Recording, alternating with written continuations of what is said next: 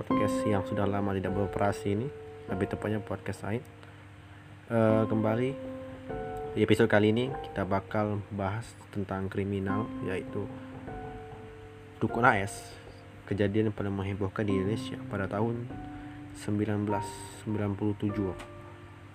1997 Sedikit profil dari Dukun AS Dukun AS memiliki nama asli Nasib dia juga dikenal dengan nama nasib kelewang. Nama kelewang dia dapatkan ketika melakukan pencurian lembu menggunakan kelewang di kawasan Stabat. Dia pun dia pun dipanggil nasib kelewang oleh teman-temannya. Ahmad Suraji atau AS dia dapatkan setelah keluar dari penjara karena kasus pencurian lembu. Selain nama yang disebutkan tadi, dia juga memiliki nama lain dia juga memiliki nama lain yaitu Datuk. Nama ini dia dapatkan setelah menikahi tiga perempuan kakak adik kandung. Menikahi tiga perempuan kakak adik kandung. Ketika dia menikah dengan istri pertama, kemudian dia menikah lagi dengan uh, adik beradik dari istrinya sendiri dan ditambah lagi mereka tinggal satu rumah. Dukun AS atau Dukun Ahmad Suraji lahir tanggal 10 Januari 1949 di Medan, Sumatera Utara. Dan pekerjaan sehari-hari dari Dukun AS adalah bertani. Dukun AS pun hanya tamatan SD. Selain itu, dia juga memiliki 9 anak dari ketiga istrinya.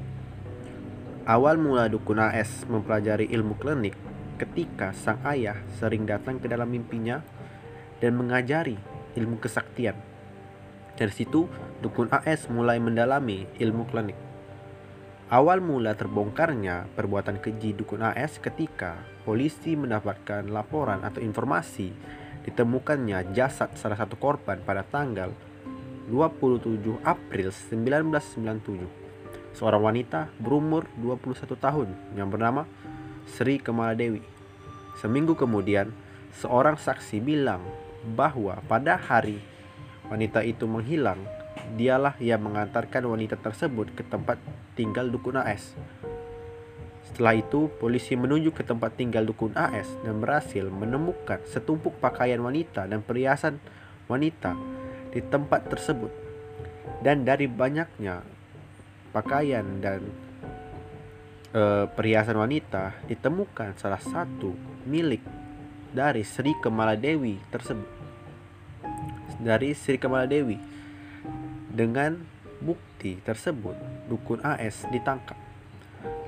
Lalu dilakukan lagi penyelidikan dan ditemukan lagi jasad korban dari dukun AS yang lain yang total berjumlah 42 orang wanita yang dikuburkan di, di kebun tebu yang dikuburkan di kebun tebu yang diketahui juga dukun AS melakukan perbuatan keji ini dimulai dari tahun 1986 sampai 1997. Jadi total 9 tahun dukun AS melakukan perbuatan ini.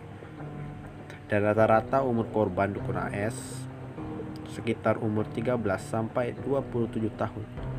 Kenapa bisa para wanita ini jadi korban dukun AS? Kita ketahui sendiri Dukun AS mempelajari ilmu klinik.